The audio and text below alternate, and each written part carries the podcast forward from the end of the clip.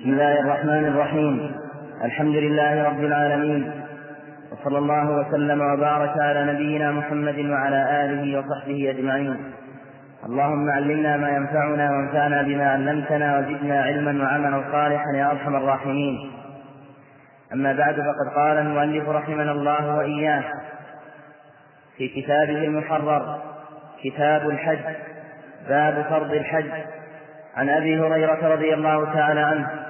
أن رسول الله صلى الله عليه وآله وسلم قال قال الإمام الحافظ محمد بن أحمد الصالحي بن عبد الهادي رحمنا الله وإياه كتاب الحج باب فرض الحج عن أبي هريرة رضي الله تعالى عنه أن رسول الله صلى الله عليه وآله وسلم قال العمرة إلى العمرة كفارة لما بينهما والحج المبرور ليس له ثواب إلا الجنة. متفق عليه. الحمد لله رب العالمين والصلاة والسلام على نبينا محمد وعلى آله وأصحابه وأتباعه بإحسان إلى يوم الدين. أما بعد فالدرس من كتاب الحج للإمام عبد الهادي رحمه الله تعالى وكتاب محرر كما هو معلوم كتاب من اسمه حرره صاحبه واعتنى به رحمه الله. الحج كما بين أهل العلم أحد أركان الإسلام ودلت على ذلك السنة وأجمع العلماء على ذلك ودل على فرضيته قول الله تعالى ولله على الناس حج البيت من استطاع إليه سبيلا والحج في اللغة معناه القصد. هذا هو في اللغة. وهذه الكلمات كلمة الحج والصلاة والزكاة كلمات معروفة في اللغة ثم جاء الشرع بتقريرها. لكن اختلف العلماء هل غيرها ونقلها من معناها باللغة؟ أم أقرها ولم يغيرها؟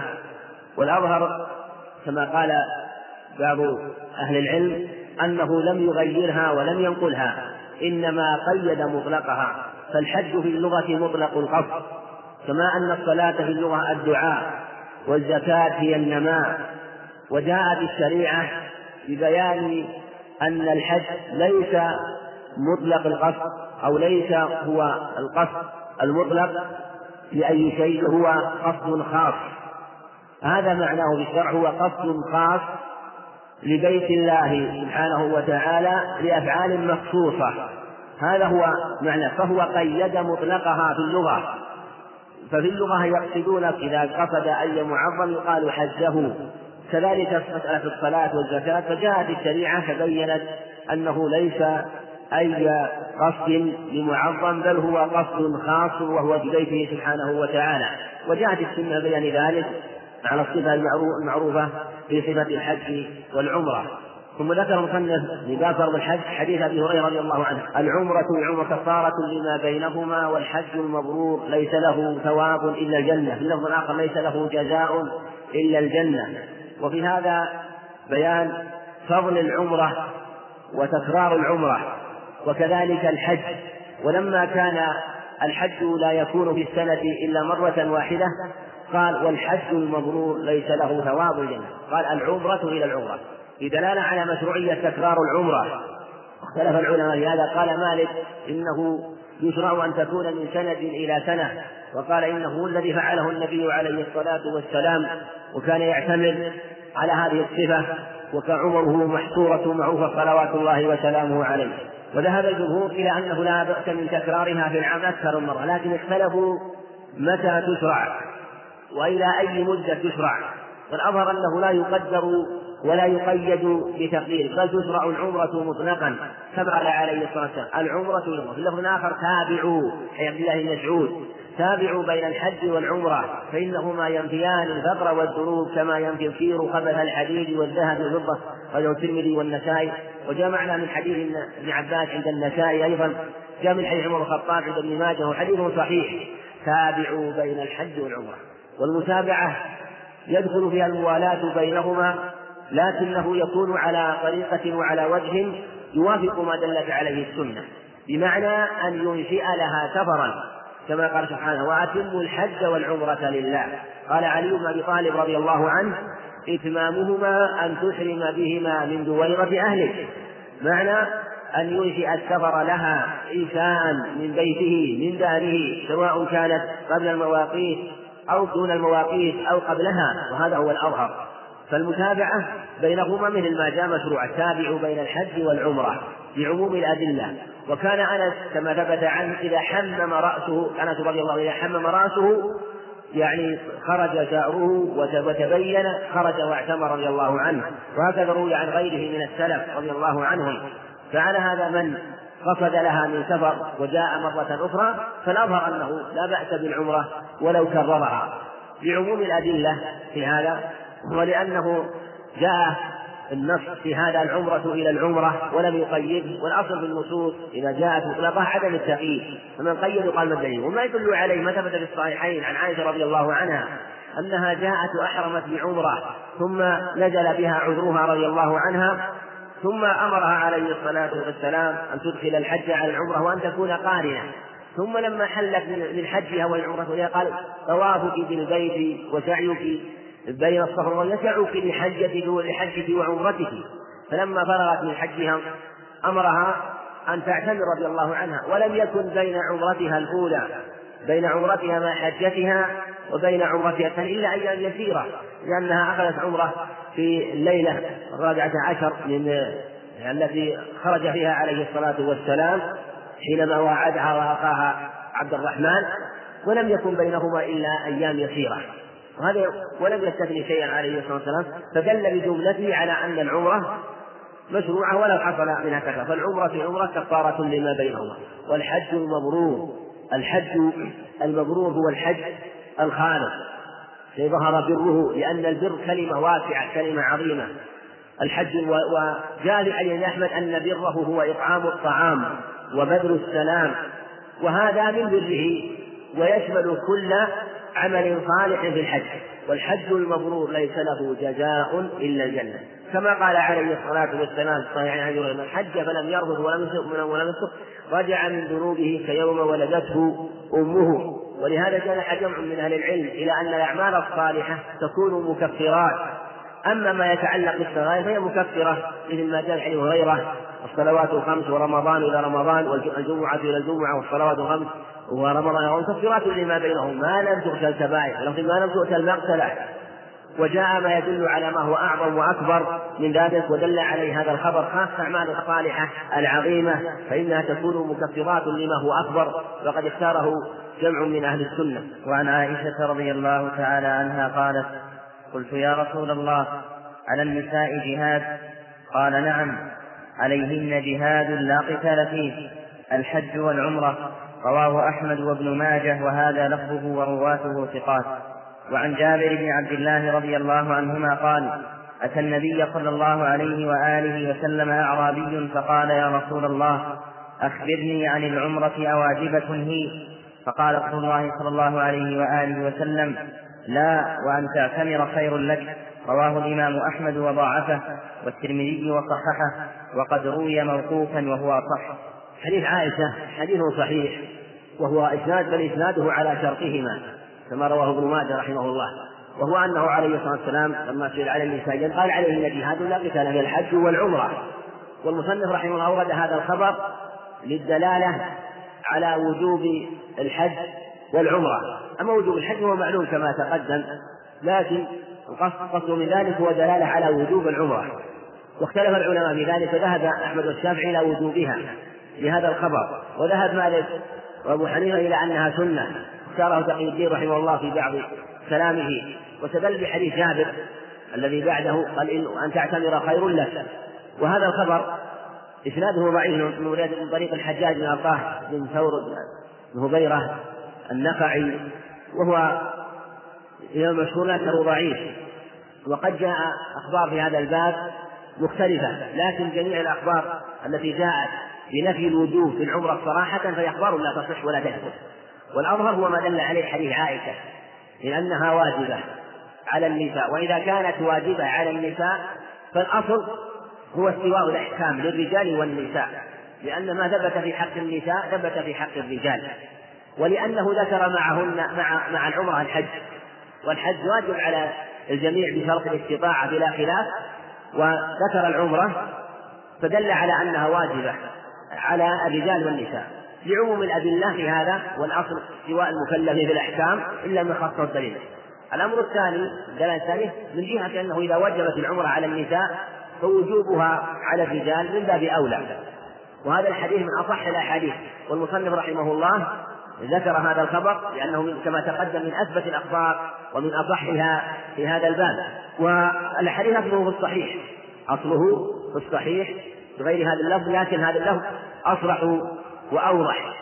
وقد جاء ما يدل على وجوب العمرة من أخبار أخرى في هذا الباب والأدلة في هذا مختلفة منها ما هو عام مثل قول مثل قول الله تعالى ولله على الناس حج البيت فالحج يطلق ويشمل الحج الأصغر والحج الأكبر يشمل الحج والعمرة. فقوله ولله على الناس حج البيت يشمل العمرة لأن العمرة تدخل في مسمى الحج. وقد جاء في حديث جوده بعض العلم العمرة الحج الأصغر. وقوله الحج مطلق. فلو قيدناه بالحج الأكبر لكان تقييدا بغير دليل. كقوله يوم الحج الأكبر لما أراد يوم النحر قيده بالأكبر. ولما أطلق ولما حج البيت دل على أنه يدخل مسمى الحج يدخل فيه العمرة.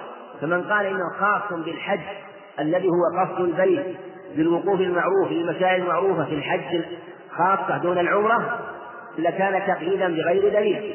ولو خصه بالعمرة لكان مخالفا للإجماع لإطلاق الدليل. إذا فالأظهر هو الإطلاق وأنه يشمل الحج والعمرة ولدلالة قول النبي عليه الصلاة والسلام العمرة هي الحج الأصغر. هذا من جهة دلالة الكتاب. واستدل بعضهم قالوا أتموا الحج والعمرة واستدلوا بالقراءة الأخرى وأقيموا الحج والعمرة. لكن هذا دلالته فيه نزاع وما كان فيه نزاع فليس حجة على المخالف. إنما ما يكون واضح الدلالة هو الذي يكون حجة وهكذا ينبغي في مواطن النزاع أن يولد الشيء الواضح. لا يولد الشيء الذي يكون فيه نزاع واضح ويكون حجة لا يولد الشيء الواضح البين في مثل هذا المقام وغيره. أيضا ثبت في حديث أبي رزين العقيلي أنه رضي الله عنه سأل النبي عليه الصلاة والسلام عن أبيه قال إن أبي لا يستطيع الركوب ولا الضعف قال حج عن أبيك واعتذر. قال الإمام أحمد رحمه الله إنه من أجود ما استدل به أو كما قال رحمه الله حديث جيد رواه السنن في دلالته على وجوب العمرة. هذا دليل ألف في المسألة. أيضا دليل رابع في حديث عمر بن الخطاب رضي الله عنه الطويل في صفة الإسلام والإمام الإحسان وهو الصحيح لكن جاء في رواية جيدة عند ابن خزيمة والدار قطني لما ذكره الإسلام قال وأن تحج وتعتمر وتغتسل من الجنابة. ذكر في في في الخصال الإسلام ذكر الحج والعمرة ذكر معها العمرة. وهي رواية جيدة حجة يستدل بها في وجوب العمرة. فهذه الأدلة حديث عائشة وحديث عمر الخطاب في جهة العمرة وحديث أبي رزين العقيلي ثلاث أدلة واضحة في وجوب العمرة. وما يستدل بها أيضا ما ثبت عن ابن عباس وابن عمر قال إنها لقرينتها في كتاب الله. يعني العمرة قرينة الحج في كتاب الله فدل على أنها واجبة كما جاء عنهما رضي الله عنهم. فالمقصود الأظهر هو وجوب العمرة وأنها واجبة مرة واحدة كالحج. أما مطلق المشروعية فهذا مشروع ومطلقا أما الأحاديث التي جاءت في ذكر الحج والعمرة فريضتان أو أن العمرة لما كان العمرة واجبة فيه قال لا وأن تعتمر وأن تعتمر خير لك. والحديث هذا كلها حديث ضعيفة. لكن المصنف رحمه الله دائما يذكر في الباب حديث يعني على طريقة كثير من العلم يذكر دليل الخصم حديث الخصم ويذكر يذكر دليل المذهب الذي يذكره أو القول الذي يذكره ويذكر أيضا ما يخالفه حتى ينظر طالب العلم في هذه الأخبار. لأن ذكر حديث عائشة في الدلالة على الوجود وذكر حديث جابر الدليل الذي يدل على عدم الوجود من باب استيفاء الدليل أو من باب ذكر دليل المذهبين في المسألة حتى ينظر طالب العلم في هذه الأدلة ويتأمل ما الجمع بينهما ما وجه الترجيح بينهما وهكذا وهذا مما يبين أن الخلاف ينفع طالب العلم ذكر الخلاف المسائل وذكر خلاف الأدلة يعطي قوة وملكة لمعرفة الدليل. والمصنف رحمه الله ذكر هذين الخبرين لأجل أن ينظر فيهما وأيهما أقوى وأرجح. وهذه الطريقة يسلكها الحافظ بن حجر رحمه الله. ولعله أخذها من صاحب المحرر لأنه يتبعه كثيرا في ذكر الأحاديث في كتاب بلوغ المرام. وهذه الطريقة أيضا يتبعها أبو داود رحمه الله ويسلكها في سننه رحمه الله. ربما ذكر الحديث وذكر ما يخالفه لأجل أن ينظر بين هذين الخبرين. إما بالجمع بينهما بأن يقيد أحدهما بالآخر أو أن يخص أحدهما بالآخر. أو أن يكون النظر في الترجيح بينهما أو أن يكون النظر مثلا بأن يكون أحدهما ناسخ والآخر منسوخ أو ما أشبه ذلك من طرق الجمع بين الأخبار التي ذكرها العلم. وعن ابن عباس رضي الله عنهما عن النبي صلى الله عليه وآله وسلم أنه لقي ركبا بالروحاء فقال من القوم؟ قالوا المسلمون فقالوا من أنت؟ قال رسول الله صلى الله عليه وآله وسلم فرفعت إليه امرأة صبيا فقالت ألهذا حج؟ قال نعم ولك أجر رواه مسلم. لحديث عباس هذا رواه مسلم كما ذكر المصنف رحمه الله وقد جاء عن جابر بن عبد الله أيضا معناه في هذا المعنى وفيه أنه لما سار في حجته عليه الصلاة والسلام كان الناس يأتون ويلقونه عليه الصلاة والسلام منهم من يسير معه لأجل أن يحج ومنهم من يأتي ويسأله ويستفتيه وكانوا علموا أنه جاء قاصدا إلى مكة بعدما فتح الله عليه مكة وبعدما أسلم أهل الأنصار ودانت له تلك البلاد واجتمع الناس في كل مكان في المدينة حتى كان الجمع جمعا عظيما في المدينة. ثم انضم إليهم من انضم في طريقه عليه الصلاة والسلام. وكان بينهم يعلمهم والوحي ينزل عليه صلوات الله وسلامه عليه. فجاءت امرأة فلقي قوما فسألهم قالوا من قالوا المسلمون يعني أخبروه أنهم مسلمون وأنهم من أهل الإسلام لأن هنالك قوم لم يسلموا وهذا أفضل من انتسبوا إليه. أما قال المسلمون أعظم نسبة قالوها وأشرف نسبة أنهم قالوا مثل هذه الكلمة أنهم هم المسلمون. ثم كأن هؤلاء القوم لم يروه قبل ذلك أو أن أو أن وفدهم الذين تقدموا لم يروه قبل ذلك ولا أسلموا بعد ذلك فقالوا من أنت؟ قال رسول الله اللهم صل على محمد فرفعت إليه امرأة صبيا في خرقة فقالت ألي هذا حج؟ قال نعم ولك أجر سألته هل له حج؟ فزادها عليه الصلاة أفاد أجابها وأفادها فهو جوده عليه الصلاة والسلام بالعلم وجوده بالفائدة كجوده بالمال كان جوابا عليه الصلاة والسلام. وهكذا حينما يسأل في بعض المسائل كان يجود وكان يجيب السائل بأكثر مما سأل. وربما كان انتفاع السائل بالمسألة التي لم يسألها أكثر من المسألة التي سأل عنها. وهذه يسلكها بعض أهل العلم حينما يسأل عن مسألة ربما أجاب السائل بمسائل أخرى لم يسألها. ربما أفاده بمسألة قد تكون أنفع للسائل مما سأل لأنه ربما كان السائل أو المسؤول يعلم حال مسألة لم يسأل عنها السائل. حينما سئل عليه الصلاة والسلام حديث رواه الخمسة حديث صحيح حديث هريرة قالوا يا رسول الله إنا نركب البحر ونحمل معنا القليل من الماء. فإن توضأنا به عطشنا. أفنتوضأ بماء البحر؟ الرسول عليه الصلاة والسلام لو قال نعم لحصل المقصود. لكن يعني حصل الجواب عن سؤاله. لو قال نعم معنى أنه أنهم يتوضؤون. لكن ربما أنه يخرج السؤال يخرج الجواب لما كان السؤال الجواب يخرج مخرج السؤال. قد يفهم أن هذا الجواب في هذه الحال أنه يكون طهورا ما دام الماء قليلا. لكنه على ابتدأهم بجواب مستقل لا تعلق له بالسؤال. قال هو الطهور ماؤه جملة مستقلة تماما. هو الطهور ماؤه جملة مستقلة من المبتدأ والخبر حتى يفهموا ويدركوا أن الماء طهور على في البحر. هو الطهور ماؤه الحل منه يعني أفادهم أن الماء طهور على كل حال سواء كان الماء قليل أو كان الماء كثيرا. ثم أفادهم فائدة أعظم ربما كانت حاجتهم لها كثيرة وهي ميتة البحر. الحل ميتته وهكذا حينما قال قال هذا حج؟ قال نعم. ثم قال ولك أجر من باب الترغيب والحث على الحج بالصغار وفي دلالة على صحة حج الصبي والصبية. وأن أجره له. ولهذا قال ولك أجر. ما أجره لك. قال ولك أجر. وليبين لا بأس أن يحج بالصغار. وإن كان في المهد. وإن كان يحمل. لا بأس. وطريقة الحج عنه أن ينوي عنه ويلبي عنه. ولو كان الملبي لم يحج لو لبى عنه إنسان وليه مثلا الذي معه الذي يليه فلو لبى عنه فلا بأس. وإن كان الملبي لا يريد الحج لا يلزم من أن يكون الملبي عنه أن يريد أو من أن يريد الحج. فلو لبى عنه كانت العمرة أو كان الحج لهذا الصغير. ويفعل به ما يفعل ويفعل ما يفعل الكبير فيما يمكن أن يفعله مثل وقوفه بالمواقع.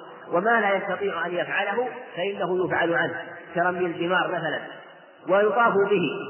وفي هذا دلالة أنه لا بأس أن يطاف به محمولا وأنه يقع الطواف عن الحامل والمحمول على الصحيح وأنه لا يشترط أن يطوف طوافا ثانيا أن يطوف عن المحمول ثم أن يطوف عن نفسه لأن الرسول عليه الصلاة والسلام أطلق قال نعم ولك أجر ومعلوم أن الصبي والصغير من ذكر من ذكور يحمل. فلما أطلق دل على أنه يجزئ ودل على أيضا مسألة أخرى أنه يحمل كيفما شاء. ولهذا لم يقيده عليه الصلاة والسلام. فلو حملته بين يديها وهي تقول أو حمله بين يديه أو حمله على كتفه وكانت الكعبة عن يساره فالصحيح أنه يجزئه. لا يشترط أن يضعه مثلا على كتفيه وأن يكون تكون الكعبة عن يساره. الكعبة يجب أن تكون عن اليسار في حال هذا هو الأصل وأنه لا لا يصح ولا يجزئ الطواف بالكعبة بأن تكون عن يمينك ولهذا لو استدار لغير عذر لم يصح في الموضع الذي استدار به. لكن دل على أنه عند الحاجة لا بأس ولو كانت الكعبة عن يمينه أحيانا. مثل ذلك ما يبتلى به بعض الناس الآن ممن يكون معه نساء وربما اضطر أن يكون مع النساء وربما أحاط بها وكان أحدهما أمامه أمام النساء والآخر آه خلفهن مثلا أو كان معه صبيان وخشي عليه من الضرر ولم يستطع ان يقوم في هذا المكان واضطر بعضهم مثلا يمشي آه، ويجعل الكعبة عن يمينه لبعض الخطوات. الصحيح أنه إن كان لحاجة فلا بأس وإن كان لغير حاجة فلا يجزئ ولا يصح. فلأنه غايته أن يكون واجب ولا واجب مع العجز ولا حرام مع الضرورة. ولهذا مع في في هذا الحديث اطلق عليه الصلاة والسلام ولم يأمر المرأة أن تراعي هذا وأن تفعل كما يفعل الكبار.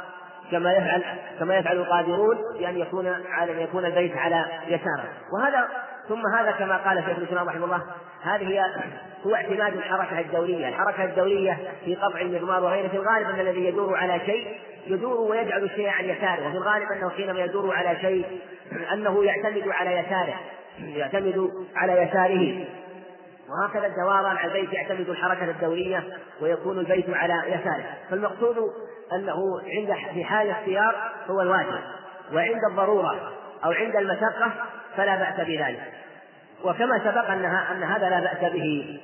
وهنا أيضا لو أنه آه، يعني طاف به أو حصل يعني أنه في بعض أمور الحج التي لا يستطيع يعملها كما تقدم فإنه لا بأس أن يعملها عنه. وهنا مسائل تتعلق بحج الصبي ربما عرضت مسائل ذكرها العلم. لكن هذه هي أهم المسائل المتعلقة حينما بين أن أجره له وأن المرأة وأن المرأة لها أجرها. وكذلك أيضا يدل على لا بأس أن تحج المرأة بالصبي وأن تلي وأن تلي الصبي. وأنه لو كان معه غيره من أولياء الصحيح ولهذا لم يستفسر الرسول عليه الصلاة والسلام المرأة هل معه أبوه. والصحيح أنه يجوز أيضا أن تحج عنه أمه أو لو كان معه مثلا غيرها مثلا من الأولياء. فإنه لا بأس أن يحج عنه لكن أولى الناس أقربهم به. وعنه رضي الله عنه قال كان الفضل رديف رسول الله صلى الله عليه وآله وسلم فجاءت امرأة من خثعم فجعل الفضل ينظر إليها وتنظر إليه وجعل النبي صلى الله عليه وآله وسلم يصرف وجه الفضل إلى الشق الآخر فقالت يا رسول الله إن فريضة الله على عباده في الحج أدركت أبي شيخا كبيرا لا يثبت على الراحلة. أفأحج عنه؟ قال نعم وذلك في حجة الوداع متفق عليه واللفظ للبخاري. وعنه رضي الله عنه أن امرأة من جهينة جاءت إلى النبي صلى الله عليه وآله وسلم فقالت إن أمي نذرت أن تحج فلم تحج حتى ماتت أفأحج عنها؟ قال نعم حجي عنها. أرأيت لو كان على أمك دين أكنت قاضيته؟ اقضوا الله فالله أحق بالوفاء رواه البخاري.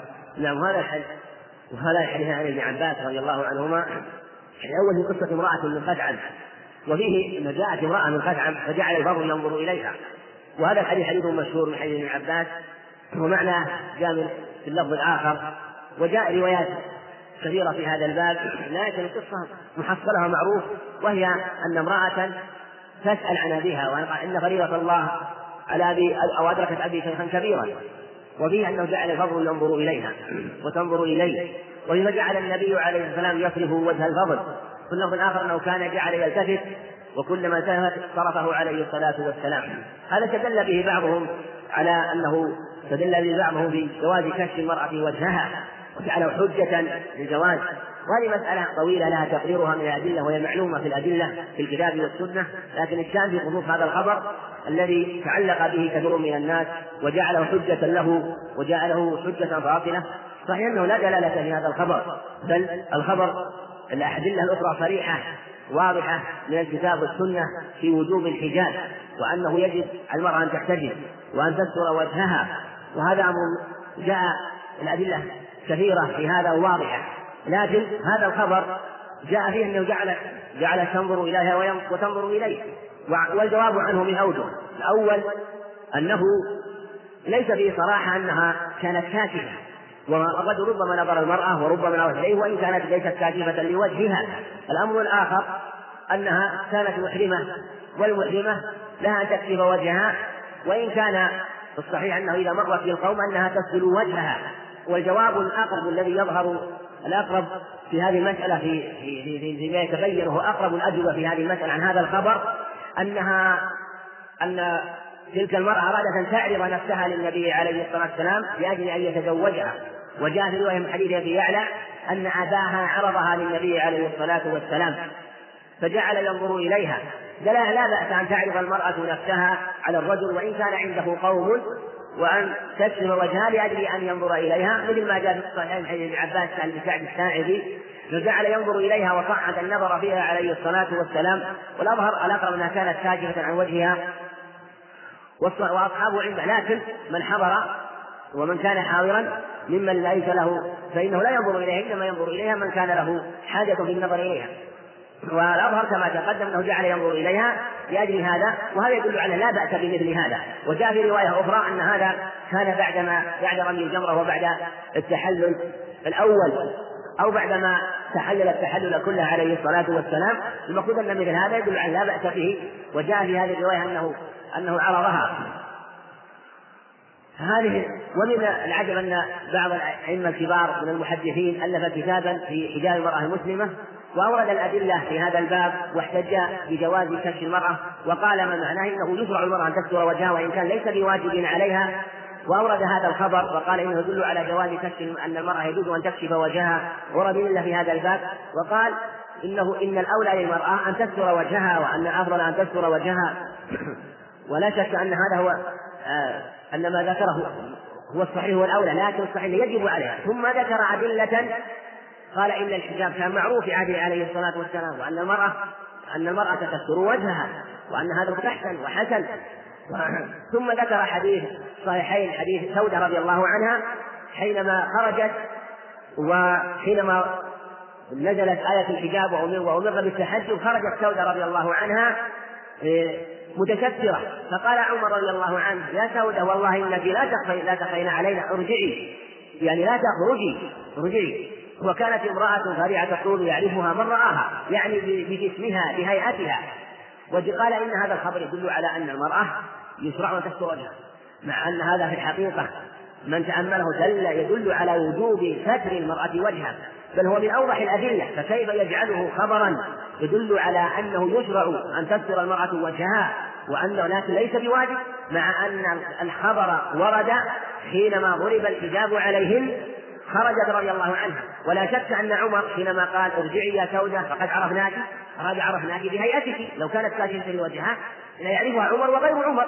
لكن أراد رضي الله عنها أن أن وإن سترت وجهك بعدما نزل الحجاب وتسترت فقد عرفناك بهيئتك. وكان عمر رضي الله عنه يريد أن تنزل أمر يمنع النساء من الخروج من بيوتهن بالكلية. وإلا فإنهن قبل ذلك يعرفن قبل الحجاب يعرفهن تعرف سودة وغيرها. لكن أراد رضي الله عنه أنه أن أراد رضي الله عنه يقول أن إنك وإن خرجت متسترة بكامل فإننا نعلمك من هيئتك أيضا وذكر حديث عائشة رضي الله عنها مع صفوان بن معطل السلمي الذكواني رضي الله عنه. قال فكان يعرفني قبل الحجاب فلما جاء أخذت الحجاب فخمرت وجهي. فقارنت ذكر الحجاب مع تخليل الوجه فدل على أن الوجه داخل في مسمى الحجاب. ونحن لا نريد أن نستدل من جهة المعنى نقول أن ستر الوجه أولى ببعض الأدلة التي إذا كانت إذا كان يستر غير وجه غير فالوجه أولى لأنه مجمع المحاسن. هذه أدلة ربما ينازع فيها من ينازع لكن نريد أن نستدل من جهة الأخبار التي هي موضع التسليم للخصم والمنازع له. فهذا خبر في الحقيقة من تأمله يدل على الوجوب لا على وهذا في الحقيقة. وهذا قد يكون نوع من البحث في الاستدلال والبحث في كيل الاستدلال بدليل الخصم وينبغي ألا يبخس دليله ولا ينقص. فكما تكيل لنفسك بالدليل يجب أن تكيل لغيره أن يكون كيلك ككيلك لنفسك. كما أن كيل الموازين في البيع والشراء لا يجوز البخس كذلك لا يجوز البخس في الأدلة ولا النقص منها ولا الأخذ منها. فإن هذا في مقام الحجاج لا يجوز. ولهذا من سلك هذا المسلك دحض قوله ونقر ولو كان الإمام كبيرا وهذا واقع فيه بعض الأئمة. وإن فيقع البيهقي رحمه الله مع أنه إمام كبير ربما استوفى الأدلة لنفسه. ولم يستوفي الأدلة لخصمه. يأتي أهل العلم ويردون قوله ويدحضونه مثلا ويقول ويجعلون القول الآخر هو الراجح لأنه ينبغي أن يستوفى. هذا يقع فيه كثير من الناس ربما وقع فيه الصحابي وغيره. لكن ينبغي لمن ينظر في الأدلة أن يكون النظر معتدلا خاصة حينما يكون الدليل واضحا. وأيضا حديث عائشة رضي الله عنها قالت كان الركبان يمرون بنا أو قال أو قالت كنا نحن محرمات إذا مر بنا الركبان سجلت إحدانا من جلبابها على وجهها فإذا جاوزونا كشفناه. وأنهم ركبان كثيرون هؤلاء نساء كثيرات مجتمعات والركبان في طريقهم. ومع ذلك ومعتاد ومعروف أن الركبان في الغالب إذا ساروا لا يلتفتون إلى النساء ولا يرونهن بل يسيرون النساء يسرن في طريقهن والرجال يسيرون في طريقهن ومع ذلك كانت كانوا قد سدى الشان من جلبابها على وجهها فدل على أنه أمر متقرر خاصة من قصة سودة رضي الله عنها وما جاء في القصة الثانية دلالة أدلة واضحة فربما لو قرأها مثلا من خالف قال إنه استدل بها وجعلها استحباب مع أنها واضحة في الدلالة على الوجوب فالمقصود أن حديث الفضل مهما احتمل حديث ابن عباس في قصة الفضل مهما احتمل فإنه كما وقع لا يرد الواضح البين بالمحتمل ولا يشترط في الدليل أن يكون قاطعا. يكفي في الدليل الظهور. يكفي في الدليل أن يكون ظاهرا. مع الأدلة في هذا؟ كما بين عن الكتاب والسنة أدلة كثيرة في هذا المعنى المقصود أن أنها سألت أن أباها أدركته فريضة الله وهو شيخ كبير. فأمرها عليه السلام قال أكل لو كان على الدين كنت قضيته فاقضوا الله فالله حق بالقضاء. في حديث له ثاني في النبر فالله حق بالوفاء. في دلالة على أنه يجب الحج على المعذور يسمون المعذور هو من يكون غير قادر أو معوقا لا يستطيع الحج ولا العمرة لكنه يقدر بماله. وهذا والرسول عليه الصلاة والسلام أمرها آه، بأن تحج عنه. فهو إما أنه لم يجب عليه الحج بمعنى أنه لا يقدر بماله وهو غير قادر بدنه هذا لا يجب عليه الحج. أو وتبرعت به فأمرها أن تحج. أو أن يكون علمت وهو الظاهر إن فريضة الله على عباده. أدركت أبي شيخا كبيرا. فالظاهر أنه كان وجب عليه الحج. والحج لا إلا على المستطيع فدل على أن الاستطاعة كما تكون بال... كما تكون بالبدن تكون بالمال وأن الصحيح أن الاستطاعة تكون بالمال والبدن حديث أنس وحديث ابن عمر أنه جعله الزاد والراحلة أن ما يوجد الحج هو الزاد والراحلة فدل على أن الموجب الحج هو المال ومن كان لديه مال وهو قال الحج فإنه يجب عليه الحج ولو كان غير قادر ببدنه ولهذا في اللفظ الآخر لما نذر الحج أمرها أمر أمره أن يفي عنه فدل على أن الحج يجب ابتداء على القادر بماله ويجب بالنذر كما في اللفظ الآخر في من نذر وهذا الحديث حصل في اختلاف في ألفاظه لكن محصله ثابت في الخبر. وقد جاء معناه وقد جاء هذا خبر ابن عباس في ذكر أنه أدركت أبي شيخا كبيرا وأنه فريضة الله أدركت أبي وفي اللفظ الآخر أنه وجب عليه بالنذر. وجاء أيضا في حديث أبي ربيع العقيلي إن أبي لا يستطيع الركوب ولا الضعن. وجاء أيضا في حديث بريدة عند مسلم قالت إن أمي نذرت أن تحج فحج عنها. قال نعم. دلالة على مشروعية قضاء الحج على من وجب عليه سواء كان وجوب بأصل الشرع أو كان وجوبه بالنذر كما في الحديث ابن عباس الثاني. نعم. وعنه رضي الله عنه قال قال رسول الله صلى الله عليه وآله وسلم أيما صبي حج ثم بلغ الحنث فعليه أن يحج حجة أخرى وأيما أعرابي حج ثم هاجر فعليه حجة أخرى وأيما عبد حج ثم أعتق فعليه حجة أخرى. رواه البيهقي وغيره ولم يرفعه إلا يزيد بن زريع عن شعبة وهو ثقة ولذلك صححه ابن حزم لكن زعم أنه منسوخ والصحيح أنه موقوف. وقد رواه ابن أبي شيبة في المصنف شبه المرفوع.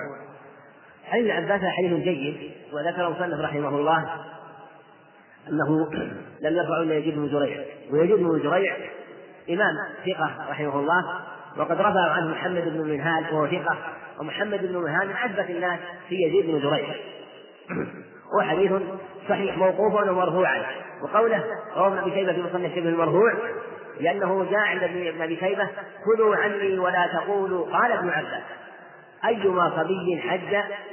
ثم بلغ فعليه حجة أخرى وأيما عبد حج ثم عتق فعليه حجة أخرى. هذا هو اللفظ الذي جاء في أكثر الروايات في ذكر الصبي وذكر المملوك. فدل على فالحديث صحيح موقوفا ومرفوعا. والراوي من الصحابة رضي الله عنهم قد ييسر ويذكر الحديث مرفوع. عن النبي عليه الصلاة والسلام. وقد يذكره مرفوع. فابن عباس سئل عن صبي آه، أو أو قال من نفسه أيما صبي؟ أيما صبي حج. وتارة قال قال رسول الله صلى الله عليه وسلم أيما صبي حج. فعليه حجة أخرى. فذكره تارة مرفوعا وتارة موقوفا كما يذكر المتكلم مثلا في حديثه يقول قال رسول الله صلى الله عليه وسلم إنما الأعمال حينما ويستدل بالحديث ويذكره مرفوعا صراحة. وتارة ربما قال ذكر المسألة وقال إنما الأعمال بالنيات ولم يذكر القائل. لم يذكره عليه الصلاة والسلام اتكالا على إدراك السامع أو أنه مشهور أو لغير ذلك أو لعدم نشاطه فهذا واقع في الأخبار. فالمقصود أنه تارة يذكر مرفوعا وتارة يذكر موقوفا فالمرفوع صريح. مرفوع حكما مرفوع لفظا. والموقوف مرفوع حكما يعني إنه من جهة الحكم بحكم مرفوع. وفي هذا كما تقدم دلاله على صحة حج الصبي وأن الصبي لا بأس أن يحج به. وأنه لو حج فإنه لا تجزئ الحج في الإسلام بل يجب أن يحج عن حجه يجب أن يحج حجة أخرى إذا بلغ. ولو بلغ في عرفة فلا بأس. فلو أن فلو أن صبيا لم يبلغ وكان في عرفة فبلغ بالسن. أو بلغ بالاحتلام في عرفة مثلا فإنه يصح حجه ولو أنه في عرفة. لا يشترط أن يكون حال نيته بالغا ولو أنه بلغ بعدما خرج من عرفة فيشرع أن يرجع وأن يقف بعرفة ولو لحظة حتى يحصل له الحج لأن الحج عرفة. وكذلك لو أن مملوك عتق أو اعتقه سيده في عرفة. فإنه يصح حجه فإنه يجزئ حجه حجه صحيح لكنه مجزئ. فهذا هو نص الخبر في هذا وأنه يجزئ عنه إذا بلغ في عرفة والآن ممكن يعرف البلوغ لأن لأن الآن يضبط التاريخ بالدقيقة. فلو أن مثلا صبي أو صبية يعرف وليه أنه يبلغ الساعة الثانية عشر مثلا في عرفة ظهرا. يتم يتم خمس خمس عشرة سنة الساعة عشر ولد في عرفة من العام الماضي. وبلغ تمام خمس ولد في عرفة في سنة من السنوات. ثم يتم له خمس عشرة سنة في هذه السنة يكون حجه مجزئا حج الإسلام. ولهذا قال كما سبق أنه لا بأس بالحج بالصغار وكثير من الناس ربما أشكل عليه مثلا الحج بالصغار والصحيح لا بأس أن يحج. وإذا كان الحج بالصبيان أو بالصغار من الإناث يشق فلا فلا يحج بهم. لكن لو أحب أن يحج بهم فلا بأس. وهنا أيضا فائدة ذكر بعض العلم أنه لو أراد أن يحج بهم لكن أشكل عليه الأمر فلا يدري هل يتمون الحج أو أنهم لا يتمون الحج. ربما أنه رفض الصبي أن يتم الحج شق عليه ذلك أو شق على وليه شق على وليه ذلك. فالصحيح لا بأس أن يلبي عنهم ولو أنه شق على وليه ذلك فإنه لا بأس أن يحلل على الصحيح. لأنها مصلحة ربما يأتي إلى مكة ويريد أن يحج مثلا أن يحج بأولاده الصغار من البنين والبنات ويشكل عليه الأمر هل يستطيع أن يكمل بهم الحج أو العمرة أو لا يستطيع أن يكمل بهم العمرة؟ فنقول لا بأس أن يحرم بهم لأن مصلحة محضة وخير كثير فلو أنه شق عليه هو إكمال النسك فلا بأس أن يحللهم ولا يترتب عليه شيء على الصحيح. وإن كان جمهور العلماء يلزمون بذلك إلا بأن يشترط في أول الأمر وأن تكون المضرة لاحقة بنفس صاحب النسك الصبي أو الصبية. والأظهر أنه سواء كان لاحقا بنفس المح... أخذ النسك وهو الصبي أو الصبية أو كان الضرر لاحقا بوليه خاصة إذا اصطحبهم معه وأراد أن لا يفوتهم أمر النسك فإن هذا في مصلحة وربما أنه لا يأتي البيت إلا بعد ذلك أو يشق عليه يأتي مرة مرة أخرى فأراد أخذ النسك لهم فلا بأس من ذلك. ولو حصل له شيء من المشقة فإنه لا بأس أن يحلله أن يخرجهم من النسك. وهذا قد وجهه جمع من أهل العلم وذكره صاحب الفروع رحمة الله عليه وهو وجه حسن. نعم. وعنه رضي الله عنه قال سمعت النبي صلى الله عليه وآله وسلم يخطب يقول لا يخلون رجل بامرأة إلا ومعها ذو محرم ولا تسافر المرأة إلا مع ذي محرم. فقام رجل فقال يا رسول الله إن امرأتي خرجت حاجة وإني اكتتبت في غزوة كذا وكذا. قال انطلق فحج مع امرأتك متفق عليه واللفظ لمسلم. وعنه رضي الله عنه أن النبي صلى الله عليه وآله وسلم سمع رجلا يقول لبيك عن كبرمة قال من كبرمة قال أخ لي أو قريب لي. قال حجبت عن نفسك؟ قال لا. قال حج عن نفسك ثم حج عن كبرمة رواه أبو داود وهذا لفظه وابن ماجه وابن حبان وصحح البيهقي إسناده والإمام أحمد وقفه في حديث ابن عباس الأول في الصحيحين واللفظ مسلم كما ذكر صلى رحمه الله وفيه تحريم الخلوة لا يخلون رجل امرأة. تحريم الخلوة إلا ومعها ذو محرم تحريم تحريم الخلوة لامرأة. وهذا فيما يتعلق وكذلك لا تسافر المرأة إلا مع محرم. فيه تحريم الخلوة للمرأة وتحريم سفرها. تحريم الخلوة بدون محرم وتحريم السفر بدون محرم. أما السفر كما سيأتي هذا واضح. أما الخلوة فالأظهر والله أعلم أنه المنهي عنه هو تحريم الخلوة. وأن المرأة يجوز أن تخلو مع الأجنبي إذا لم تحصل يجوز أن يكون يجوز لها أن تكون مثلا مع أجنبي دون دون خلوة يعني مع نسوة ثقات أو مع مجموعة من الرجال بلا سفر هذا هو الأظهر. وهذا ولكن الأولى والأكمل أنه يكون معها محرم. فلو كانت في بيتها وحدها ودخل عليها رجلان أو وكان دخل عليها رجل وكان عندها نسوة أو امرأة فلا تحصل الخلوة. المنهي عنه في غير حال السفر هو عدم الخلوة. وفي حال السفر لابد أن يكون معها محرم. وهذا الخبر يدل على أنه لابد من المحرم والأظهر أن يحمل على الأفضل والأكمل لما ثبت في الأدلة الأخرى من جواز أن تكون المرأة مع يعني أن المحرم ليس بشرط إنما الشرط هو انتفاء الخلوة. ولا ثبت في الحديث الصحيح أنه عليه السلام جاء إلى بهيثم بن سيهان وطرق عليه الباب فلم يجده أبو بكر وعمر ووجدوا المرأة فأدخلتهم البيت وقال فأدخلتهم البيت رضي الله عنها. وهذا فيه خلوة برجال مع الثقة والأمانة وهذا هو المعروف. يكون مع الثقة والأمانة إما مع نسوة ثقات أو مع امرأة ثقة أو مع امرأة ثقة وهذا أمر معتاد من أمر العرب أنه ربما جاء الرجال وطرقوا البيت ولم يكن إلا المرأة فأدخلتهم لانتفاء الخلوة في مثل هذا. و وعلى هذا يدل على أنه يصرف هذا الخبر من الوجوب أو من التح... من الوجوب إلى الاستحباب. ليس بواجب لكن مستحب وهو أكمل. ويدل عليه ما ثبت في صحيح مسلم أنه في حديث عبد الله بن عمر أنه عليه الصلاة والسلام قال لا يدخلن رجل بعد يومي هذا على مغيبة إلا ومعه رجل أو رجلان، المغيبة هي التي غاب زوجها، فإذا كانت المرأة المغيبة التي سافر زوجها يجوز أن يدخل عليها آه، رجل آه، أكثر من رجل معنى أنه لا يخلو بها رجل. فدل على غير السفر إلا بأولى. وكل هذا مع أمن الفتنة والشر يعني الثقة والأمانة. أما خلوة غير الثقات فلا شك أن خلوة الاثنين أقبح وأشد من خلوة واحد في اجتماع على الشر. لكن هذا هو الأصل المتقرر وأن هذا كان معروفا من عادة العرب ليقع منهم هذا فعلى هذا يكون هذا الأولى والأحسن. أما ما يتعلق بسفر المرأة مع ذي محرم فهذا الأظهر أنه عام في كل سفر والمصنف رحمه الله رده بالحج يبين أن المرأة لا يجوز أن تسافر للحج ولا أن تحج إلا مع محرم ولأن الحج في الغالب لا يكون إلا مع سفر. فقال لا تسافر المرأة. والجمهور اختلفوا في هذا واشترطوا عدم آه، قالوا إن الممنوع هو عدم عدم الخلوة. وإذا وجد معها نسوة ثقات فإنه لا بأس أن تحج معهم. واختار هذا تقي الدين. والأمر كما قال ابن المنذر اشترط كل منهم شرطا يقيد به الحديث والحديث صريح في أنه لا تسافر المرأة وهذا الخبر أول ما يدخل فيه سفر الحج. والرسول قال لا تسافر المرأة ومعلوم أن المرأة في ذلك الوقت لا تسافر لتجارة.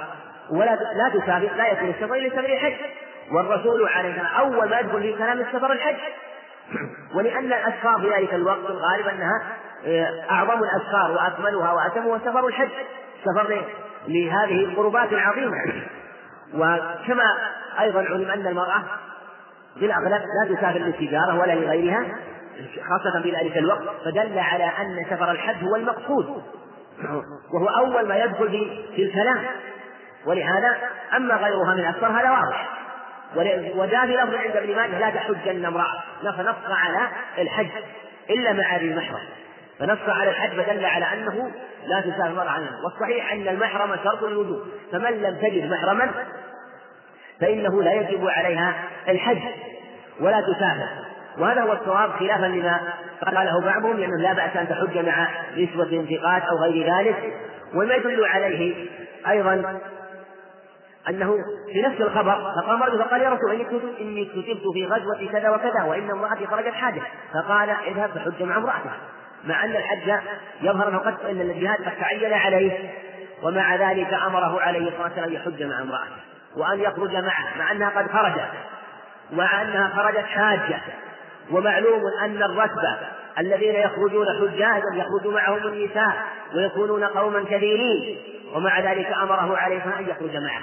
ولم يكتفي بأن تخرج مع هؤلاء الركب ومع هؤلاء القوم فدل على أنه لا بد للمرأة في السفر مع محرم. وهذا أمر واضح خاصة في الأسفار والنساء. والنساء كما علم ضعيفات والمرأة تحتاج في سفرها إلى من يعينها وربما احتاجت إلى من يساعدها في ركوبها وفي نزولها. مهما كانت وسيلة السفر المستعملة وأمر النساء أمر شديد وأمر النساء أمر خطير خاصة في مثل هذا الوقت. ولو كان الرجل ولو كان الرجال من أتقن القوم ومن أتقن الناس فإنهم لا يؤمنون على النساء أبدا مهما كان. وهذا أمر ملاحظ خاصة في النساء الأجنبيات. ويوجد مما يقع خاصة من المرأة الأجنبية مع الرجل الأجنبي ربما حصل شيء من الشر والفتنة مهما كان خاصة مع الغربة والسفر ومع زعم الإعانة والشيطان له مدخل شديد واسع من هذا الباب. ربما وقع في شر إما في الحج إما في هذا السفر أو بعد ذلك. فيجب العناية بأمر النساء في مسألة الأسفار. ولو ولو كان السفر سفر حج. ومما يبين له أن هذا الخلاف بين العلم في خروج المرأة بغير محرم إنما هو في سفر الحج.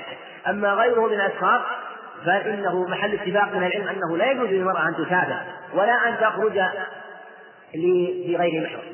ويقع في بعض كلام في كلام بعض الناس أنه يجوز للنساء أن يخرجن بغير محرم لأسفار غير أسفار الحج مع أن المعلوم من كلام العلم ربما حكي اتفاقا وإن كان في خلاف شاذ لكن المعلوم من الأدلة ومعلوم من كلام العلم أن هذا خلاف خاص في سفر الحج. أما غيره من الأسفار فلم يقع فيه إلا خلاف شاذ مخالف النصوص وإذا كان الحج لا تسافر المرأة إلا مع محرم مع أنه حج واجب عليها في الأصل. فكونه مع الأسفار الأخرى لا تخرج المرأة إلا مع محرم فإنه أيضا من باب أولى أنها تمنع. والسفر في هذا المراد به مطلق السفر مطلق الخروج مطلق البروز لا يراد به الشيء الذي تقصر في الصلاة. كل خروج وبروج عن البلد يسمى سفر. ولهذا ثبت في الصحيحين من حديث ابن عمر أنه عليه الصلاة قال لا تسافر امرأة مسيرة ثلاثة أيام إلا مع ذي محرم. وفي الصحيحين من حديث سعيد الخدري قال أنه عليه الصلاة قال لا تسافر امرأة مسيرة يومين إلا مع ذي محرم. في لفظ عند مسلم حديث سعيد الخدري مسيرة ثلاثة أيام. في الصحيحين من حديث لا تسافر امرأة مسيرة يوم في لفظ الليلة إلا مع ذي محرم. الصحيحين من حديث ابن عباس لا تسافر امرأة إلا مع ذي أطلق السفر ولم يقيد بشيء. في سنن أبي داود بإسناد صحيح. لا تسافر امرأة مسيرة بريد وفي الطبراني مسيرة ثلاثة أيام. فجاءت الألفاظ كالعيان في إطلاق السفر. فجاء ثلاثة أيام. وجاء يومان. وجاء يوم. وجاء ليلة. وجاء بريد وجاء إطلاق السفر. فدل على أن السفر منهي عنه بحق المرأة إلا مع ذي محرم وأن السفر ذكر ليلة أو ليلتين أو ثلاث أيام باب التنفيذ وأنه لم يراد التقييد وجاء مسيرة بريد كما تقدم مسيرة ثلاث أيام. ولهذا قال العلماء إنه عليه الصلاة والسلام إما أنه يسأل تارة عن مسيرة يومين وتارة عن مسيرة ثلاث أيام وتارة عن عن ثلاثة وتارة عن مسمى سفر مطلق فكان في كل حال يجيب وينهى عن السفر. فدل على أنها تنهى عن الخروج مطلقا. وهذا أمر مشاهد فيما يتعلق بأمر النساء. فلهذا ينبغي يعلم أنه عن كل سفر حتى ولو كان السفر سفرا قصيرا أو كان السفر سفر لا تقصر فيه الصلاة لإطلاق الأدلة في مثل هذا والنهي أن تسافر المرأة إلا مع ذي محرم. حديث ابن عباس الآخر ابن عباس حديث جيد وتكلم فيه بعضهم في حديث أنه حديث ابن عباس انه سمع رجل يصدق قال لبيك عن فلان في لبيك عن شبرمه قال من شبرمه قال أقول له قريب قال حدث عن نفسك قال قال حج عن نفسك ثم حج عن شبرمه في لفظ اجعلها عن نفسك ثم حج عن شبرمه والحديث حديث صحيح رفعه عبد بن سليمان ومحمد بن بشر وهما ثقات من رجال الصحيح وهو مرفوع. والحديث لا ينافي أن يكون ما جاء موقوفا وجاء منهم من قال إنه موقوف الصواب أنه مرفوع وابن عباس لو جاء موقوفا كما تقدم ربما ذكره ذكره للسائل من باب الهدية ولم يذكره مرفوعا وربما ذكر القصة مرفوعة إلى النبي عليه الصلاة والسلام. لكن هذه القصة هذه القصة يظهر أنها ما وقعت. قصتان قصة في عهد ابن عباس اسمه شبرمة قصة في عهد النبي عليه الصلاة والسلام شبرمة. نظر الله أنها قصة واحدة وأنه شبرمة في رجل في عهد النبي عليه الصلاة والسلام أو نبأ عن شبرمة فقال حج عن نفسه ثم حج عن شبرمة في دلالة على أنه يجب من لم يحج عن نفسه أن يحج عن غيره. أن من لم يحج عن أن من لم يحج عن غيره لا يجوز أن يحج عن نفسه. ولو لبى إنسان وقال لبيك عن فلان وكان لم يحج عن نفسه فالحجة تكون عن عنه. ولو كان غير مستطيع. يعني لو كان إنسان يقول أنا ما أستطيع أنا ما عندي مال لكن حججت حججت بمال أعطاني الإنسان وذهبت وأنا لم حججت بهذا المال في الأرض غير مستطيع. فالصحيح أنه تقع عن نفسه ويحج وتكون حج عن نفسه ويرد المال الذي أخذه في إطلاق النبي عليه الصلاة والسلام وعدم استفصاله في هذا الخبر. نعم. باب المواقيت. عن ابن عباس رضي الله عنهما أن النبي صلى الله عليه وآله وسلم وقت لأهل المدينة ذا الحليفة ولأهل الشام الجحفة ولأهل نجد قرن المنازل ولأهل اليمن يلملم هن لهن ولمن أتى عليهن من غير أهلهن ممن أراد الحج والعمرة ومن كان دون ومن كان دون ذلك فمن حيث أنشأ حتى أهل مكة من مكة متفق عليه. هذه في المواقيت والمواقيت من التوقيت وهو التحديد والمواقيت أمثلة بينها عليه الصلاة والسلام وحددها لمن أراد الحج والعمرة وثبت الخبر في الصحيحين كما في حديث عباس أنه عليه الصلاة والسلام وقت لأهل الشام الجحفة ولأهل المدينة ذا الحليفة ولأهل نجد قرن المنازل ولأهل اليلملم هذه المواقيت قال هن لهن ولمن أتى عليهن من غير أهلهن. وهذه المواقيت لا يجوز تجاوزها وثبت معناها في أخبار كثيرة عن النبي عليه الصلاة والسلام. حديث ابن عباس هذا واضح في قوله هن لهن يعني هذه المواقيت هن لهم لأهلهن ولمن أتى عليهن من غير أهلهن. فلأهل المدينة ذا الحليفة ويسمى أبيار علي. فمن جاء فمن كان من المدينة فلا يجوز له أن فلا يجوز له أن يتجاوز ميقاته. كذلك من ورد إلى المدينة لا يجوز أن يتجاوز ميقات المدينة ولو كان من أهل الشام. ولو كان ميقات الجحفة الذي يسمى رافض. فإنه يجب أن يحرم من هذا من ميقات أهل المدينة هن لهن ولمن أتى عليهن من غير أهلهن ممن أراد الحج والعمرة. وهذا واضح في كل المواقيت ومن لم يكن له ميقات فميقاته الذي يحاذي واحدا من هذه المواقيت والميقات في الجو كذلك محاذي للميقات في الأرض. وهذه المواقيت كما تقدم وقتها النبي عليه الصلاة والسلام. قال هن لهن ولمن أتى عليهن من غير أهلهن ممن أراد الحج والعمرة. وهذه فيه فائدة أن من جاء بهذه المواقيت ولم يرد حجا ولا عمرة ولم يجب عليه حج ولا عمرة فلا بأس بذلك. وهذا هو الصحيح وإن كان خلاف قول الجمهور. فلا يجب فلا فلا يجب أخذ النسك إلا لمن نوى. ممن ومن كان دون ذلك من كان دون المواقيت فإنه يحرم من حلم سواء كان من أهل البلد داخل هو البلد داخل المواقيت مثل أهل الشرائع ومن أشباههم أو كان في جدة مثل أهل جدة مثلا داخل المواقيت يحرم من مكانه. أو كان مثلا جاوز المواقيت جاوز مثلا ميقات السيل ميقات قرن أو ما يحاذيه من جهة ثانية من جهة الهدى ميقات واحد وميقات واحد لكنه هذا يحاذي من جهة الهدى وهذا من السيل بطن الوادي. فمن جاوز الميقات وهو غير مولد الإحرام. ثم أنشأ إحرامه بعد ذلك فإنه من حيث أنشأ يعني من حيث نوى. وهذا كما تقدم يشمل جميع المواقيت. وفي حديث عمر رضي الله عنه حد لهم المواقيت وأخبرهم عنها وحد لهم الميقات وحد لهم ذات عرق رضي الله على خلاف في هذا الميقات. نعم. باب القران والإفراد والتمتع.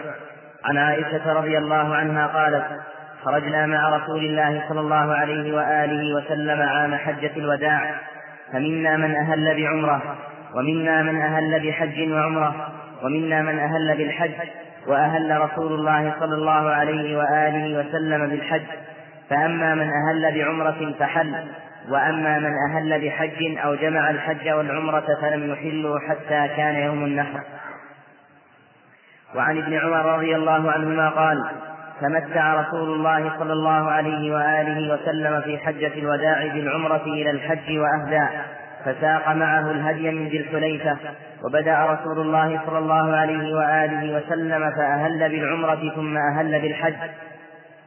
وتمتع الناس مع رسول الله صلى الله عليه وآله وسلم بالعمرة إلى الحج فكان من الناس من أهدى فساق الهدي ومنهم من لم يهد. فلما قدم رسول الله صلى الله عليه وآله وسلم مكة قال للناس من كان منكم أهدى فلا يحل من شيء حرم منه حتى يقضي حجه ومن لم يكن منكم أهدى فليطف بالبيت وبالصفا والمروة وليقصر وليحلل ثم ليهل بالحج وليهد فمن لم يجد الهدي فليصم ثلاثة أيام في الحج وسبعة إذا رجع إلى أهله. وطاف رسول الله صلى الله عليه وآله وسلم حين قدم مكة فاستلم الركن أول شيء ثم خب ثلاثة أطواف من السبع ومشى أربعة أطواف ثم ركع ثم ركع حين قضى طوافه بالبيت عند المقام ركعتين. ثم سلم فانصرف فأتى الصفا فطاف بالصفا والمروة سبعة أطواف ثم لم يحلل من شيء حرم منه حتى قضى حجه ونحر هديه يوم النحر. وأفاض فطاف بالبيت ثم حل من كل شيء حرم منه وفعل مثل ما فعل رسول الله صلى الله عليه وآله وسلم من أهدى وساق الهدي من الناس متفق عليهما واللفظ لمسلم. ذكر المصنف رحمه الله باب القران والإفراد والتمتع وهذا بحث واسع في هذه المناسك وذكر المصنف حديث عائشة وحديث ابن عمر في هذا الباب. وفيه انه قد خرجنا مع رسول الله صلى الله عليه وسلم عام حجه الوداع. منا من أهل بعمره الحديث. خرج عليه الصلاة والسلام من من المدينة يوم السبت وخطب الناس يوم الجمعة وبين لهم بعض ما يتعلق بالحج واجتمع الناس وخرج يوم السبت عليه الصلاة والسلام. ثم جاء إلى ذي الحليفة فبات بها ليلة الأحد فلما أصبح جمع نساء فاغتسل ثم اغتسل غسلا ثانيا للإحرام عليه الصلاة والسلام. ثم صلى الظهر في يوم من يوم الأحد ثم خرج ثم مشى عليه الصلاة والسلام. حتى جاء إلى مكة وبات بذي قوى يوم السبت ليلة الأحد. فقدم مكة صبح الأحد ثم مكث فيها الأحد والاثنين والثلاثة والأربعاء والخميس أربعة أيام. وخرج إلى منى عليه الصلاة والسلام في اليوم الثامن ثم أكمل حجه. وفيه أنه لما جاء عند الميقات هلوا منهم من هل بحج ومنهم من هل بعمرة ومنهم من جمع بين الحج والعمرة. ثم بعد ذلك كما في عمر أمرهم وفي عائشة أيضا أمرهم أن يفتحوا من لم يهل بالحج من أهل بالحج أو أهل بالحج والعمرة ولم يسق الهدي. أمرهم أن يفسخوا حجهم أو حجهم وعمرتهم أو أو أن يتحللوا بعمرة. هذا خبر في الأنساك وهي هذه الأنساك وهي التمتع والإفراد والقران. أنساك مشروعة والتمتع هو أن تحرم بالعمرة ثم يتحلل منها ثم يحرم بالحج. والقران هو الإحرام بالعمرة بالحج والعمرة جميعا أو أن تحرم بالعمرة ثم يدخل عليها الحج. هذا والإفراد أن يحرم بالحج وحده. هذه الأنساك مشروعة كما جاء في هذا الخبر. لكن يشرع لمن قدم البيت وكان قد لبى بالحج أو لبى بالحج والعمرة ولم يكن ساق الهدي يشرع له أن يتحلل. ثم هل التحلل هذا على الوجوب أو الاستحباب أو محرم أو مكروه على خلاف؟ والصواب أنه مستحب.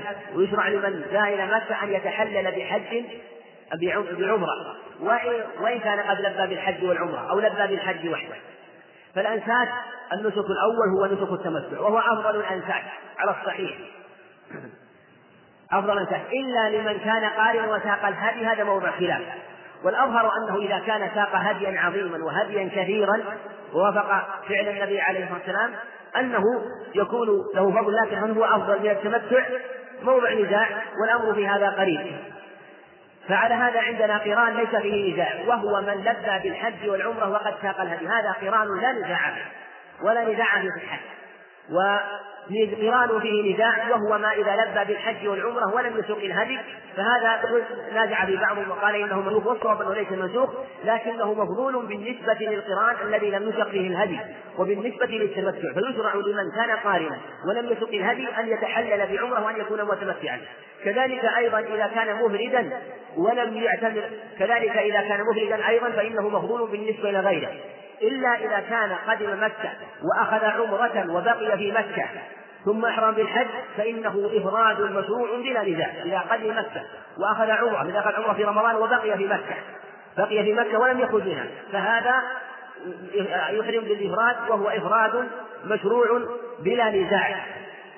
أما فعلى هذا تكون الأنساك تمتع لا نزاع التمتع لا نزاع فيه هو أن يلبي بالعمرة ثم يتحلل أن يلبي ثم يتحلل منها ثم يحرم بالحج هذا لا نزاع فيه تمتع لا نزاع فيه. وقران لا نزاع فيه وهو إذا لبى بالحج والعمرة وساق الهدي. وإفراد لا نزاع فيه هو إذا أخذ عمرة وبقي في مكة لم يرجع إلى أهله. بقي في مكة فإنه يلبي بالحج ولا نزاع فيه وقال تقي لا يعلم في ذلك نزاعا وإفراد فيه نزاع وهو ما إذا أحرم بعمرة ثم رجع. أو مثلا أحرم بعمرة وحدها بدون أن يسبقها أحرم بالحج بدون يسبق عمرة. أو لبى بالحج والعمرة ولم يسق الهدي فهذا القرآن هو موضع النزاع. فعلى يكون ثلاثة أنساك لا نزاع فيها ونسكان موضع نزاع والصواب مشروعية الأنساك الخمسة كلها. والأنساك في الأصل ثلاثة لكن عند التقسيم تكون خمسة على هذا التقسيم. هذه مسألة. ويعلم أن التمتع مثل ما قال أحمد رحمه الله أنه هو أفضل الأنساك على خلاف بينه وبين القران الذي ساق فيه الهدي. هذا هو النزاع فيه ثم ينبغي أن يعلم أن التمتع مطلقا مشروع. حتى ولو كان لو لو كان أخذ عمرة في رمضان أخذ عمرة ثم أراد أن يحج فالسنة له أن يتمتع. وبعض الناس ربما توهم أنه إذا أخذ عمرة في رمضان وحج من عامه فإن المشروع له الإفراد ظنه بعضهم. وقد سمعت أن بعض الناس يعمله ويظن أن المشروع لمن أخذ عمرة في رمضان أن يحج مفردا وهذا خلاف الصواب والصواب أنه إذا أخذ عمرة في رمضان وأراد أن يحج أن يحج متمتعا. هذا هو السنة وهذا هو الصواب. وربما توهم بعضهم من كلام شيخ الإسلام تيمية أنه يريد هذا المعنى وهو لم يريد هذا البتة لم يريد هذا البتة و ومن تأمل كلامه تبين له ذلك. وأنه وقد وقع في بعض كلام الكبار من أهل العلم أنه أن أنه إذا كان قد أفرد أن شيخ الإسلام رحمه الله يرى أنه إذا كان أخذ عمرة قبل ذلك ثم يعني قبل الحج ثم أراد أن يحج فإنه يحج مفردا ولا يأخذ عمرة. وقال إن هذا موجود في كلامه. وذكر وذكر في بعض الشروحات لبعض أهل العلم وهذا ليس موجودا في كلام شيخ الإسلام أصلا ربما أنه فهمه من كلامه. بل إنه قد نص رحمه الله على أن من أخذ عمرة في رمضان أو قبل ذلك ثم أراد أن يحج من عام فالسنة له أن يحج متمتعا. لكن في بعض المواطن قال إن من أفرد الحج بشهرة بسفرة والعمرة بسفرة فإنه أفضل من التمتع باتفاق الأئمة أو باتفاق الأئمة الأربعة. وربما أنه أخذ من كلامه أنه أظن أنه أفضل أفضل من التمتع مطلقا. ولم يريد لم يريد أنه أفضل من التمتع. يريد أنه أفضل من التمتع بسفرة واحدة بسفرة واحدة. وهذا قد نص عليه رحمه الله في الفتاوى وقد راجعته أكثر من مرة. وهو موجود في الفتاوى في صفحة 85 وصفحة 88 في المجلد الثالث والعشرين له رحمه الله. وخاصة قد نص على ذلك وهو واضح من كلام الأئمة. وأن من آه، آه، مثلا وأن من آه، حج مفردا من أخذ عمرة مفردا ما أخذ عمرة. وحج مفردا حج مفردا هذا لا شك أنه نسك تام لأنه أفرد العمرة بسفرة والحج بسفرة وشخص وشخص جمعهما بسفرة واحدة جمعهما بسفرة واحدة. لا شك أن من أخذ عمرة مفردة بسفرة وحجا مفردا بسفرة وشخص آخر جمعهما بكثرة واحدة لا شك أن الأول أفضل. وهو قول أئمة هذا واضح. لأنه أنشأهما من دويرته ومن بلده وجعل كل منهما سفرا. وهذا هو الذي أراده عمر وهو الذي نص عليه ابن عباس رحمه الله هو الذي أراد بقوله باتفاق الأئمة يعني أن العمرة بسفرة والحج بسفرة أفضل من التمتع بسفرة واحدة. أما شخص مثلا يأخذ عمرة في رمضان ويريد أن يحج من عام هذا لا شك أنه يتمتع أفضل لأنه يجتمع له ثلاثة أنساك في سفرتين. وهو أفضل من نسكين في سفرتين.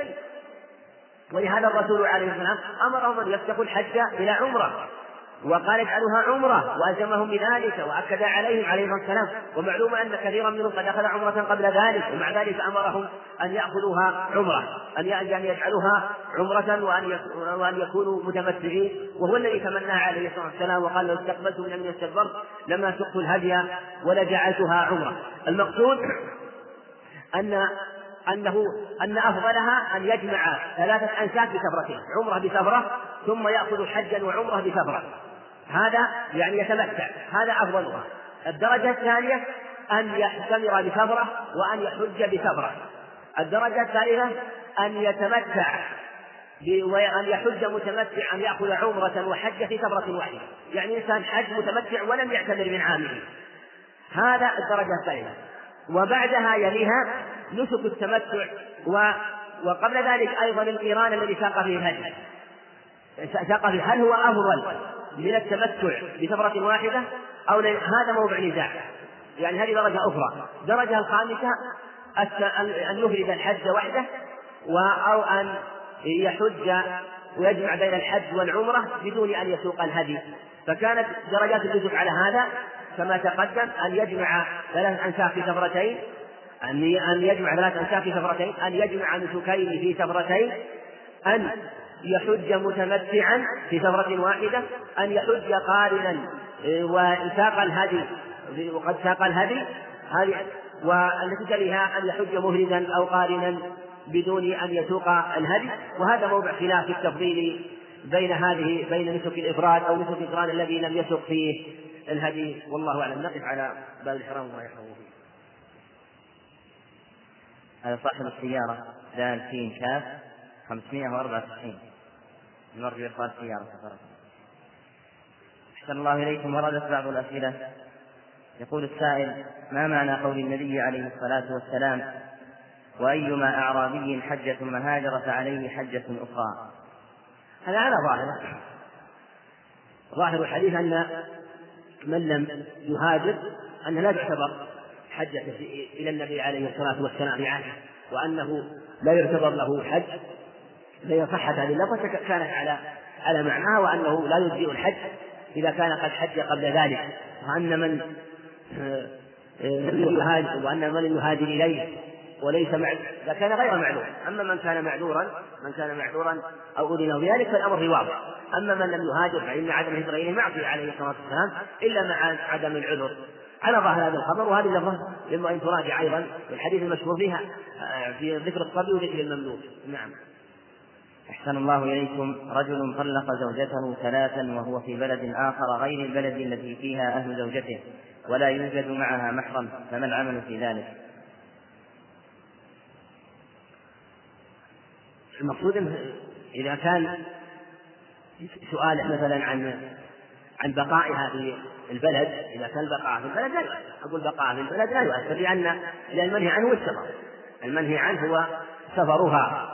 أما بقاؤها مثلا في في في بلدها واعتدادها العدة عدة الطلاق هذا هذا أمر واجب عليها. وإذا كانت تتضرر ببقائها في هذا المكان ويخشى عليها مثل ما توفى عنها زوجها ويخشى عليها من البقاء معها شر وفتنه فلا بأس أن تنتقل مكانها. والمقصود أن أن المرأة منهية عن السفر. أما بقاؤها في مكان وحدها مثلا هي لم لم تسافر إنما بقاها في الاصل فالمراه منهية عن الخروج لا عن البقاء منهية عن الخروج. فلو بقيت وحدها في البلد ولهذا في مسألة لا تسافر امرأة استثنى العلماء منها مسألة المرأة التي تهاجر. امرأة أراد أن تهاجر من بلد الكفر إلى بلاد فهذه يجمع لها الهجرة ولو كانت وحدها بلا محرم أو كانت امرأة تخشى على نفسها من الفتنة في الدين فإنها تخرج وحدها لأن المرأة منهية عن الخروج أن تخرج وحدها منهية عن الخروج الخروج الذي شر للسفر. أما إذا كان بقاؤه للشر والفتنة دلت الأدلة على أن مثل هذا أن بقاء فيه ضرر وفيه شر كثير. وقصة أم كلثوم بن عقبة بن أبي معيط دالة على هذا وأنها هاجرت وحدها رضي الله عنها. نعم. أحسن الله إليكم. رجل يقول إني اضطررت اضطرارا شديدا إلى إدخال امرأتي بدون محرم في الطائرة. ويستقبلها في المطار الآخر أحد محارمها. فهل هذا جائز إذا كان للضرورة؟ ما في عن مسألة الضرورة. أقول ما ذكر هذه الضرورة؟ لأن كثير من الناس يزعم أن هذا الأمر ضرورة أو أن هذا اضطر إليه. والضرورة تختلف. الضرورة الضرورة الشرعية التي يضطر إليها. إذا كان ضرورة بلغت بها إلى هذا الحد وأن ضرر لو بقيت خشي عليها من الشر وبقاها في فتنة يخشى عليها من البقاء فالضرورات تقدر بقدر ينبغي أن تقدر الضرورة بقدر ويعرف مقدار هذه الضرورة وإلا فالأصل المرأة لا تسافر ولا تخرج إلا مع زوج أو محرم هذا هو الأصل. إلا لضرورة عرف قدرها من جهة الشرع. نعم. أحسن الله إليكم. هناك كثير من الأسئلة تسأل هل الأدلة في وجوب تغطية الوجه خاص بزوجات النبي عليه الصلاة والسلام لظاهر الآية؟ لا ليس خاص. أقول عام لهن ولغيرهن ثم جاءت الأدلة في غير أزواج النبي عليه الصلاة والسلام. ثم إذا كان ذلك جاء في أزواج النبي عليه الصلاة والسلام فغيرهن لقوله تعالى وإذا سألتموهن متاعا فاسألوهن من وراء ذلكم أطهر لقلوبكم من قلوبهن علل. وإذا كان هذا علة لطهارة القلوب وقلوب أزواج النبي عليه السلام وعلل بهذا أطهر لقلوب الصحابة وأطهر لقلوب أزواج النبي عليه الصلاة والسلام وأن العلة هذه مطلوبة ومطلوب تحصيلها من أزواجه عليه الصلاة والسلام ومن أصحابه ممن يخاطبونهن وأن يشرع أن يكون من وراء حجاب فالأمر المعلل بهذا وجوده في غير أزواج النبي عليه السلام من باب أولى وطلب تحقيق العلة هذه مطلوبة في غير أزواجه عليه السلام وإذا كان يخشى برد ذلك مع عدم الحجاب في غير أزواجه عليه السلام فحصوله مع غيرهن ووجود ضد ضده يعني ظهوره أكثر وأوضح والأصل عموم الأدلة فلا يخصص ويقال إنه خاص بأزواج النبي عليه الصلاة والسلام بل هو عام. لهن ولغيرهن. نعم. أحسن الله إليكم. كثير من الإخوة يصدر سؤاله بقوله إني أحبكم في الله. هذا سائل يسأل يقول نحن مجموعة من الإخوة أتينا من لبنان بقصد المشاركة بهذه الدورة وبعدها نريد العمرة. السؤال من أين نحرم؟ وهل يجوز أن نفعل العمرة بعد العمرة ونحن مقيمون في مكة؟ قل حبك الله الذي حبتني عزيزه وجعلنا وإياك جميع إخواني من المتحابين فيه والمتجالسين فيه والمتزاورين فيه والمتبادلين فيه آمين إنه جواد كريم. أما ما يتعلق بالعمرة من جاء من أي مكان ومن أي بلد من الدنيا فإنه لا بد أن يكون له ميقات. إما أن يحاذيه من طريق الجو أو أن يحاذيه من طريق البر أو البحر أو أن يمر به إما أن يمر به أو أن يحاذيه. كل قوم لابد فمن مر بميقاته وهو قاصد آه، لمكة فإنه يمر به إلى حاله إذا مر به. أما إذا لم يمر به مثل مر مثلا جاء إلى بلد إلى هنا مثلا وقصد وقصد مكة مثلا وقال لأجل العمرة فإنه إذا وصل إلى مثلا الرياض وأراد أخذ العمرة أراد أخذ العمرة فميقاته ميقات أهل نجد ميقاته ميقات أهل نجد إذا كان لم يمر بميقات قبل ذلك. إذا كان لم يمر بميقات قبل مرورة. فإن كان قد مر بميقات قبل وروده إلى بلد مثل الرياض وهو كان نوى العمرة فإن يعني نوى العمرة في سفرة حال نوى العمرة في سفرة حال فالواجب عليه أن يأخذ نسك وإن كان لا جاء مثلا جاء من أراد الحج أراد الحج ولكن جاء هنا لأجل طلب العلم ويريد الحج و ثم بعدما جاء هنا قد يسافر من هنا ويسافر هنا فإنه يكون من أهل هذه المنطقة من أهل هذا البلد من أهل من الرياض وميقاته ميقات أهل أهل نجد من هنا ويحرم بالحج من ميقاته. هذا إذا كان لا يريد النسك في وقته بل جاء كغير من يذهب مثلا إلى مكة في أي وقت من الأوقات وقد يريد الحج. فميقاته من أهل مكة. لكن من جاء وهو يريد العمرة في سفرة حال في سفرة الذي جاء يريد قاصدا للعمرة لا تتوقف في طريقه في بلد من البلاد. يجب عليه أن يأخذ العمرة أول. أما إذا مر وهو لا يريد العمرة في سفرة حال أو مثلا متردد لم يجزم بها أو جاء مثلا يقول أنا جئت مثلا لقصد آه، حاجة أو لقصد طلب العلم وقد أذهب إلى بلد آخر وقد أسافر أو يمكن أسافر إلى بلد آخر ما قصدت في سفرتي هذه. ففي هذه الحالة حكم العمرة حكم الحج ما دام أنه ما قصد في سفرة هذا. فلا بد لأن النية في هذا معتبر إنما الأعمال بالنيات والرسول عن قال هن لهن ولمن أتى عليهن من غير أهلهن ممن أراد الحج أو العمرة. أحسن الله إليكم في حديث ابن عمر رضي الله عنهما أنه قال تمتع رسول الله صلى الله عليه وآله وسلم فذكر أنه متمتع. ثم في آخر الحديث قال ثم لم يحلل من شيء حرم منه حتى قضى حجة. فذكر أنه قارن فما الجمع بينهما؟ حديث ابن عمر سيأتي أيضا إشارة إليه حديث جابر الطويل إن شاء الله. لكن هنا تمتع واضح الرسول تمتع بمعنى أنه قارن وجاء عن الصحابة أنه جاء أنه عليه السلام أنه أفرد من حديث عمر ومن حديث عائشة ومن حديث جابر. وجاء عنه أنه تمتع أنه قرن عليه الصلاة والسلام. وهذا يبين أن التمتع في كلام يدخل فيه القرآن. والتمتع تمتعان تمتع عام وتمتع خاص. التمتع العام هو أن يجمع بين الحج والعمرة.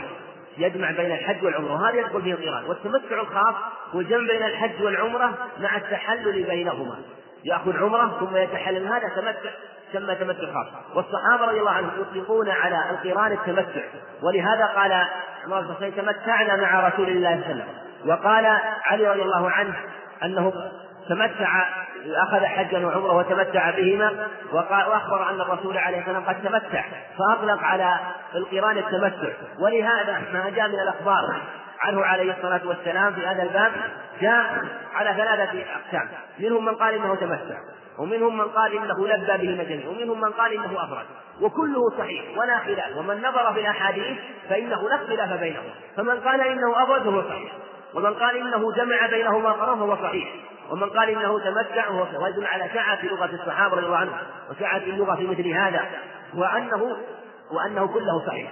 فهو أفرد بمعنى أنه جمع الحج والعمرة في سفرة واحدة. وعمل عمل المفرد عمل المفرد. ولم يزد على عمل المفرد عليه الصلاة والسلام لأنه دخلت العمرة بالحج إلى يوم القيامة فعمل عمل المفرد إلا أنه أهدى عليه الصلاة والسلام.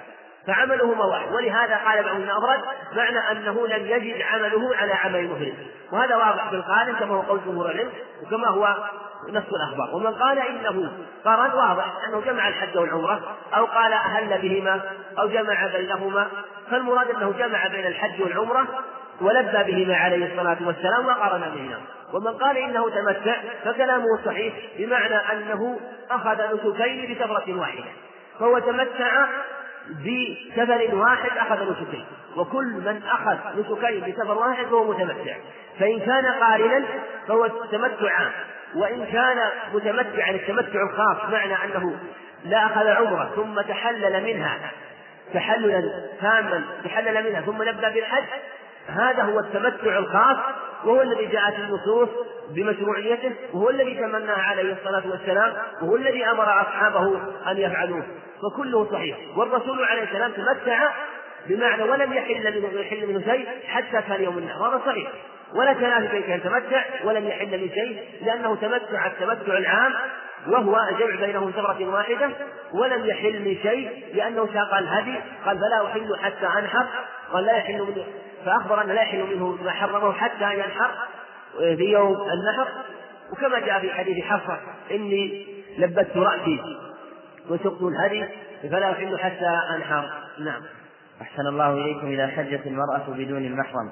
هل تصح حجتها؟ وإن كانت فهي وإن كانت عاصية وإن كانت عالمة بذلك. عالمة بذلك وأنه لا يجوز لها عاصية وحجها صحيح وإن كانت لها فعل ذلك تقليدا لمن أفتاها بذلك وفعل ذلك فهي وما تقلدت. لكن كما تقدم الحج صحيح ولا يجب عليها. لكن لو حجت مثل لو تكلف إنسان غير مستطيع الحج وحج والحج ليس بواجب عليه فحجه صحيح. كذلك هي حج وليس بواجب عليها ولا يجوز لها على الصحيح. لو حجت فالحج صحيح. أحسن الله إليكم في حديث الرجل الذي سافرت امرأته وأنه كتب في غزوة كذا وكذا.